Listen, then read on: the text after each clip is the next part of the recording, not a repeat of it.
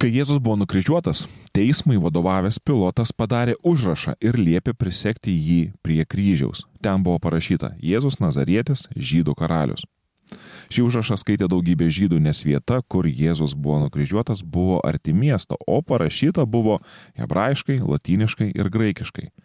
Aukštieji kunigai sakė pilotui, nerašyk žydų karalius, bet šitas skelbėsi, aš esu žydų karalius. Bet pilotas atkirto, ką parašiau, parašiau. Ši istorija yra užrašyta Jono Evangelijos 19 skyrius 19-22 eilutėje. Akivaizdu, kad šis klausimas kėlė tam tikrą įtampą tarp Jėzų kaltinusių žydų lyderių ir Romos imperijos pareigūno piloto. Kai Jėzus buvo atvestas prieš tai buvusios dienos ankstyvą rytą pas pilotą, šis iš karto ėjo prie reikalo ir paklausė Jėzaus, ar tu esi žydų karalius? Jėzus atsakė, ar nuo savęs šito klausė, ar kiti apie mane tau pasakė. Pilotas tarė, be ne aš žydas, tavoji tauta ir aukštieji kunigai man tave įskundė, sakyk, ką esi padaręs. Jėzus atsakė, mano karalystė ne iš šio pasaulio. Jei mano karalystė būtų iš šio pasaulio, mano tarnai juk kovotų, kad nebūčiau atiduotas žydams, bet mano karalystė ne iš čia. Tuomet pilotas jį paklausė, vadinasi, tu esi karalius. Ir Jėzus atsakė, taip yra, kaip sakai, aš esu karalius, aš tam esu gimęs ir atėjęs į pasaulį, kad liūdėčiau tiesą, kas tik brangina tiesą, klauso mano balso. Jono Evangelija 18 skyrius 33-37 eilutės. Jėzus teigia, kad yra karalius, Tačiau jo karalystė nėra iš šio pasaulio. Iš pradžių pilotas net ketino Jėzų paleisti, jis nematė Jėzuje jokios grėsmės. Jam Jėzus matyt buvo dar vienas religinis fanatikas, kuris buvo susirūpinęs nežemiškais reikalais. Tačiau žydų tautos vyresnėji tikėjo, kad Jėzaus pretenzijos į karaliaus sostą buvo per daug rimtos ir jie norėjo būti tikri, kad bet kokie keliai sosto link Jėzui būtų uždaryti. Jie ketino nepalikti nei nieko atsitiktinumui ir jiems e, geriausia buvo, jei Jėzų pavyktų nužudyti. Ir pavyko. Bet kas Jėzuje buvo tokio nepriimtino, kad valdžios žmonės nenorėjo jo įsileisti į savo ratą? Na, viena iš priežasčių, manau, buvo tai, kad Jėzus buvo lyderis nepanašus į nieką kitą, ką galima būtų sutikti karaliaus rūmose, vyriausio kunigo apartamentuose ar valstybės pareigūno namuose. Jėzus buvo lyderis, bet toks lyg ne iš šio pasaulio. Ateikite pas mane visi, mokė Jėzus, kurie vargstate ir esate prislėgti, aš jūs atgaivinsiu. Imkite ant savo pečių mano jungą ir mokykitės iš manęs, nes aš esu romus ir nuolankios širdies ir jūs rasite savo sieloms atgaivą. Mano jungas švelnus, mano našta lengva. Šie Jėzaus žodžiai yra randami Mato Evangelijos 11 skyriaus 28-30 eilutėje. Jėzus kviečia sekti paskui ir mokytis romumo. Šis žodis yra gana paslaptingas, taip ir norisi jį pakeisti nuolankumu, kuklumu ar net drovumu. Ir galima būtų pasakyti, jog šie būdvardžiai yra gana artimi romumui. Tačiau kiekvienas iš jų neša prasme, kuri iki galo ir neatskleidžia prasmės, kurią turi žodis romumas. Jėzus sako, kad yra karalius ir jis sako, jog yra romus karalius. Ar gali būti, kad toks karalius kelia didesnę grėsmę? Prie visokio plauko karalių mes esame įpratę ir visokių jų esame prisižiūrėję per ilgus žemės istorijos metus.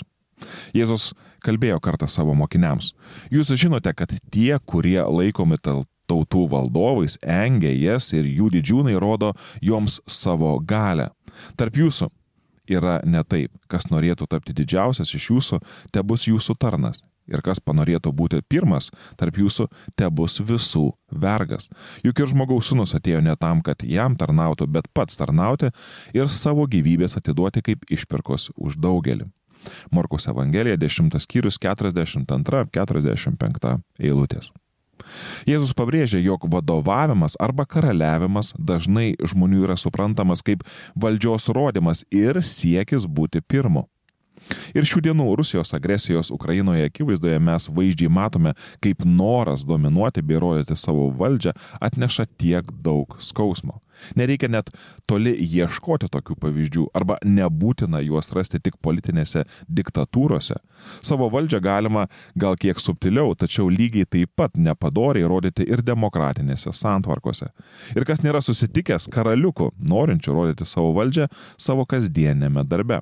Galima būtų pasakyti, kad noras pirmauti yra skiriamasis šio nuodėmingo pasaulio bruožas. Taip yra dėl to, kad šį pasaulį persmelkianti dvasia yra iš esmės pirmauti siekianti išdidi ir apkiplėšiška. Šio pasaulio kunigaikštis, kurį Biblija vadina šetonu, savo karalystę valdo būtent taip. Jis valdo rodydamas valdžią. Ir savo valdžią rodyti yra gundomas kiekvienas šio pasaulio žmogus, kiekvienas savaip, ir kiekvienas pagal savo įtakos sferą. Ir kai Jėzus vos tik pasirodė viešojoje arenoje, demonas iš karto pas jį atėjo su savo pasiūlymu. Matas rašo, kad prieš ketindamas pradėti savo viešą tarnavimą Jėzus praleido ruoždamasis. 40 dienų pasninkaudamas ir baigiantis šiam laikotarpiui Jėzus buvo labai alkanas.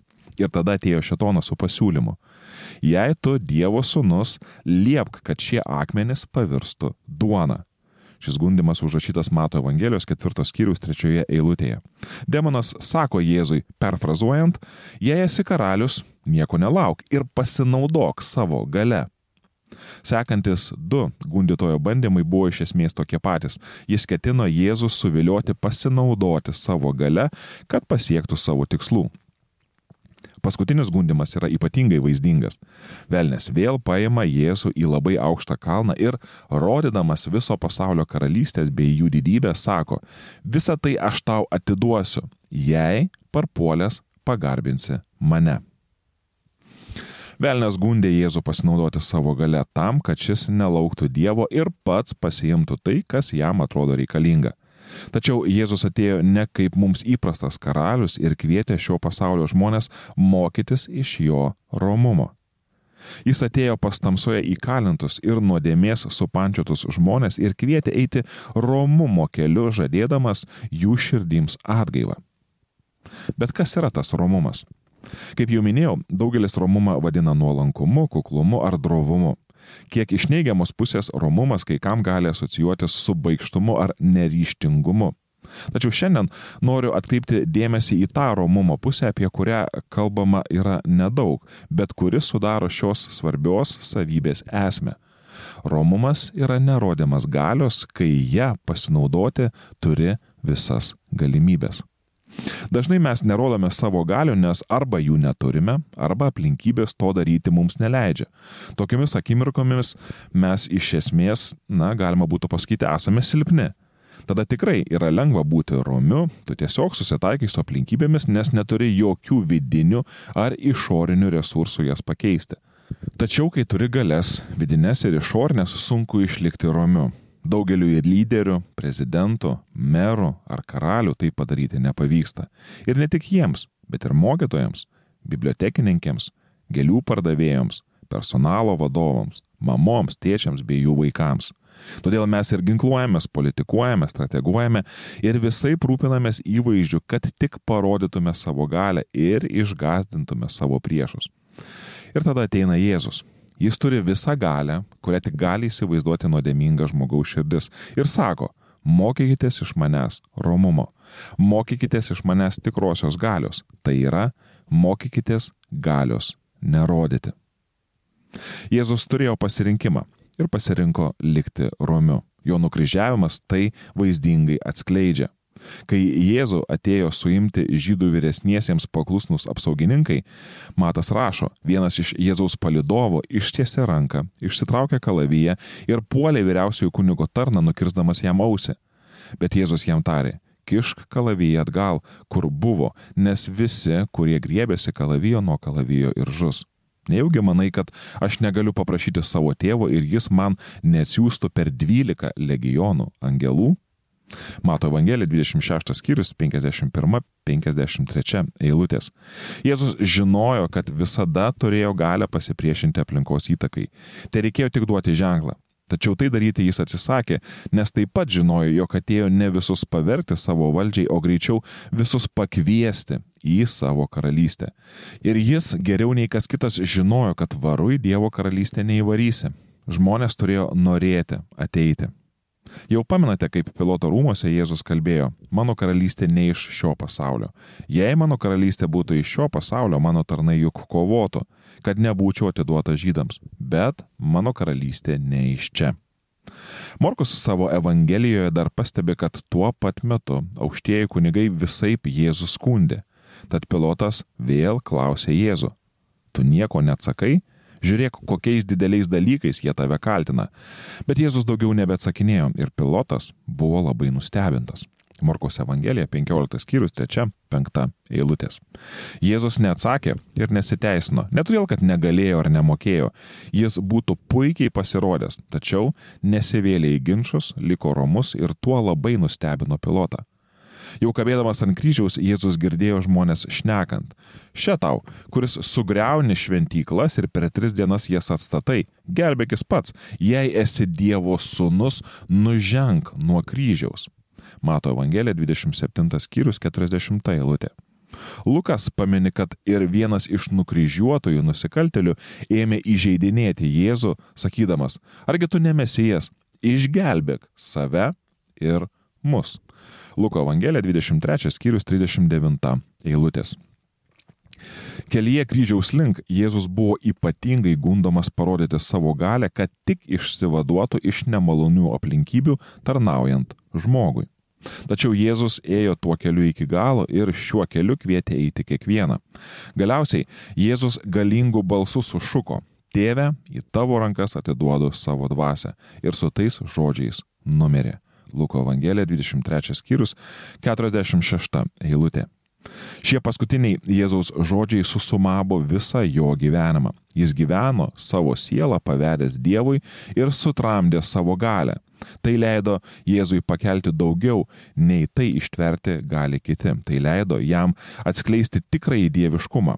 Karalius, kuris rūpinasi savo pavaldiniais net iki kryžiaus mirties. Ieškojau tinkamo pavyzdžio iliustruojančio romumą, bet nusprendžiau, kad pasakojimas apie Mozę čia tinka geriausiai. Biblijos skaičių knygoje randu pasakojimą apie pirmąjį žydų tautos vadovą Mozę ir Mirijamą bei Araoną. Mozės brolį ir seserį, kurie nusprendė sukilti prieš savo brolį. Jie kalbėjo prieš Mozę sakydami, argi viešpats tik per Mozę kalbėjo, argi jis ir per mus nekalbėjo? Viešpats tai išgirdo, o Mozė buvo labai kuklus žmogus, kuklesnis už bet ką kitą žemės, ant žemės veido. Umai viešpats pašaukė Mozę, Aroną ir Mirijamą. Ateikite visi trys prie susitikimo palapinės. Ir jiems atėjus viešpats nužengė debesies stulpe, sustojo prie padangtės angos ir sušuko Aroną ir Mirijamą. O kai jie du prisertino, jisai tarė, prašau klausytis mano žodžių. Jei tarp jūsų būtų pranašas, aš apsireikščiau jam regėjime, aš kalbėčiau jam sapne. Bet taip nėra su mano tarnu Moze. Jam patikėti visi mano namai, su juo aš kalbu veidas į veidą. Aiškiai, nemyslėmis. Jis mato viešpaties išvaizdą. Kodėl tad nebijote kalbėti prieš mano tarną Moze? Vis dar pykčio ant jų apimtas viešpats pasitraukė. Debesiui nuo padangtės pasitraukus Mirjamas stovėjo balta kaip sniegas, raupsuota. Kai Aronas atsisuko į Mirjamą ir ją pamatė, kad jie yra susirgusi raupsais, jis tarė Mozei, Mano viešpatė, prašyčiau nebausti mūsų už nuodėmę, kurią mes taip kvailai padarėme. Neleisk jai tapti tarsi negyvų gemalų išeinančių iš motinos iščių su pusiau sunaikintų kūnų. Ir Mozė šaukėsi viešpatės tardamas, o Dieve, maldauju, išgydyk ją. Skaičių knyga, 12 skyrius, 1-13 eilutės. Šiame pasakojime Mozė yra vadinamas kukliu, kai geriau, versti, geriau būtų versti šį žodį romiu. Žinoma, čia nenoriu priekaištauti kažkaip tai lietuvių Biblijos vertėjams, nes žodis kuklus nėra blogas pasirinkimas. Tačiau išlaikant argumento vientisumą, grįžkite, grįžkime prie žodžio romus, kuris beje yra naudojamas ir kitose Biblijos vertimuose. Ką tik skaityta istorija vaizdžiai iliustruoja romumą. Pasakojime mes nematome Mozės kovojančio dėl savo statuso, siekiančio būti pastebėto, besinaudojančio savo padėtimi, nutildant kaltinimus ar baudžiant kaltuosius. Visa, ką mes regime, tai Mozė tylinti, nekeršijanti ir besimeldžianti už savo seserį. Kitose vietose šis hebrajų kalbos žodis dar yra ir verčiamas kaip vargšas arba nuskriaustas. Taip, ne vienas gal ir gali pagalvoti apie Mozę šiame pasakojime arba apskritai apie romumą, kad Mozė buvo lyg koks vargšas ar nuskriaustas vargšelis, su kuriuo buvo elgiamasi netinkamai, o jis net nesugebėjo pasipriešinti. Tačiau tai, kas aplinkinių yra laikoma kaip silpnybė, Dievo akise yra stiprybė. Pasirinkti nekovoti, kai galėtum tai daryti, yra stiprybė Dievo karalystėje. Nepulti gintis ar teisintis, o viską pavesti Dievui nėra nuskriaustojo dalė. Greičiau romumas Dievo vaiko elgesys pasitikint, jog Dievas viskuo pasirūpins. Kartais turiu prisipažinti, jog pavyzdžiui namuose man yra sunkiausia, kai pradedu jausti, kaip tarp vaikų po truputį įsisiubuoja konfliktas. Vienas pasako žodį, kitas atsako, ypatingai jei sakiniai prasideda tokiais žodžiais - tu visada, tu na, su tavimi niekada, arba kodėl negalima tiesiog ir taip toliau. Ir kai nesutarimas kelia ne tik emocinę įtampą, bet dar ir augina decibelus, man yra lengva visus peršaukti ir pasinaudojus dar ir savo ūgio, svorio bei intelekto pranašumu, perimti konfliktą į savo rankas. Taip atrodo viskas greičiau ir paprasčiau. Tačiau romumas yra galios nerodimas, nors tu ją ir turi. Kur kas yra sunkiau, bent jau taip atrodo iš pirmo žvilgsnio, yra ateiti ramiai, kantriai ir su meile. Ir pasirinkus romumo kelią galima nueiti toliau, nes suvaldoma dominavimo ir pranašumo gale. Romumas leidžia įsiklausyti ir nusileisti iki reikalo esmės. Ir tai, kas atrodė kaip geras pasirinkimas išliejant savo emocijas arba vienašališkai sutvarkinti nepatogias situacijas, iš tikrųjų yra paviršutiniškumas ir trumparegiškumas. Vėlgi, kai kas romumą gali prilyginti aplaidumui, iniciatyvumo stokai, bailumui ar net savęs nuvertinimui, bet prisimenant Mozę turbūt niekam nekiltų mintis šį žmogų laikyti aplaidžiu, bailiu ar nekompetitingu. Priešingai, jo sugebėjimai leido jam ilgus metus sėkmingai vadovauti ištisai tautai ir romumas tam netrukdė. Galbūt kai kuriems iš mūsų lengviau apie romumą kalbėti, jei jis yra prieš pastatomas savo priešingybei Nežinau, ar kada nors galvojate, kas yra priešingybė romumui, bet priešingybė šiai dieviškai savybei yra agresija. Agresijos aukščiausią formą galime laikyti, kai vienas žmogus naudoja prievartą prieš kitą žmogų, kai viena šalis tampa agresorė kitos tautos atžvilgiu. Tačiau yra įmanomas ir subtilesnės agresijos apraiškos kasdieniniuose santykiuose, kai mes peržengėme romumo ribas ir imame rūpintis savo gerovę, pamindami aplink mus esančius.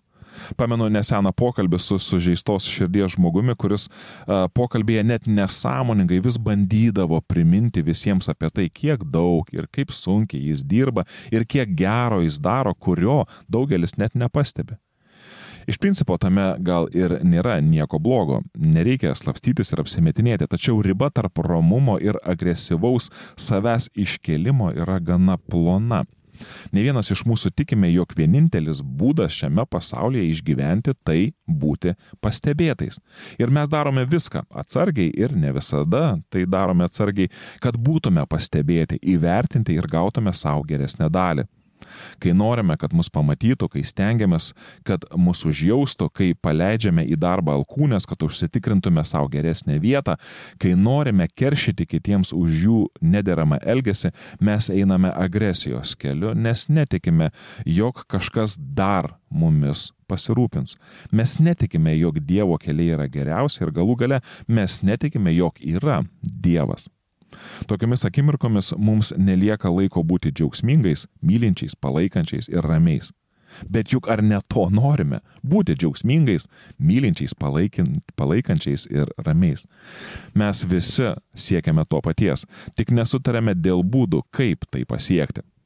Apaštas Paulius rašė, tegul nelieka vietos vaidams ar tuščiai puikybei, bet vienas kitą laikykite aukštesniu už save ir žiūrėkite kiekvienas ne savo naudos, bet kitų. Būkite tokio nusistatymo kaip Jėzus Kristus. Laiškas filipiečiams antras skyrius trečia, penkta eilutės. Agresijos užuomasgos prasideda pradedant ieškoti savo naudos, nesvarbu kokiomis formomis. Bet yra ir kitas kelias - Jėzaus kelias - Romumo kelias. Šiame pasaulyje šiuo keliu taip retai vaikštoma, jog yra sunkiai suprantama, ar iš viso galima šiuo keliu einant išgyventi. Galima. Tačiau tai yra siauras kelias ir palaiminti, kurie juo eina. Mums nelieka laiko, jei taip galima pasakyti, romumui, nes galvojame, kad savo gyvenimo keliu einame vieni, kai galvojame, kad niekam mūsų gyvenimai nerūpi tik mums patiems ir niekas geriau už mus mumis nepasirūpins. Tačiau Jėzus kviečia eiti keliu, kuriuo vaikšto ir jis Pasirinkę romumo kelią ir sudėję kovos už būvį ginklus, mes nebeliekame ir vieniši, nes Dievas yra su mumis ir amžinai yra derama bei tinkama pagalba. Palikę agresijos kelią mes tampame iš tiesų stiprus su Dievu.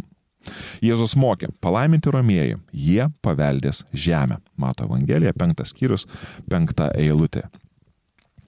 Ateities pasaulis priklauso romiesiems. Ateities pasaulis priklauso tiems, kurių pagrindinis gyvenimo siekis nėra pasirūpinti savo gerovę. Ateities pasaulyje nebus nei menkiausios agresijos užuomasgos, nes bus saugu sugyventi. Ten gyvens žmonės, kurie atrado saugumą Dieve, išmoko jo pasitikėti ir jo sustiprinti tam, kad galėtų mylėti vienas kitą, paliko varginančią kovą už savo vietą po saulę. Jei šis mano pasidalinimas jums patiko, išliksiu romiu ir leisiu jums patiems nuspręsti, ką su juo daryti. Dievo palaimos visiems.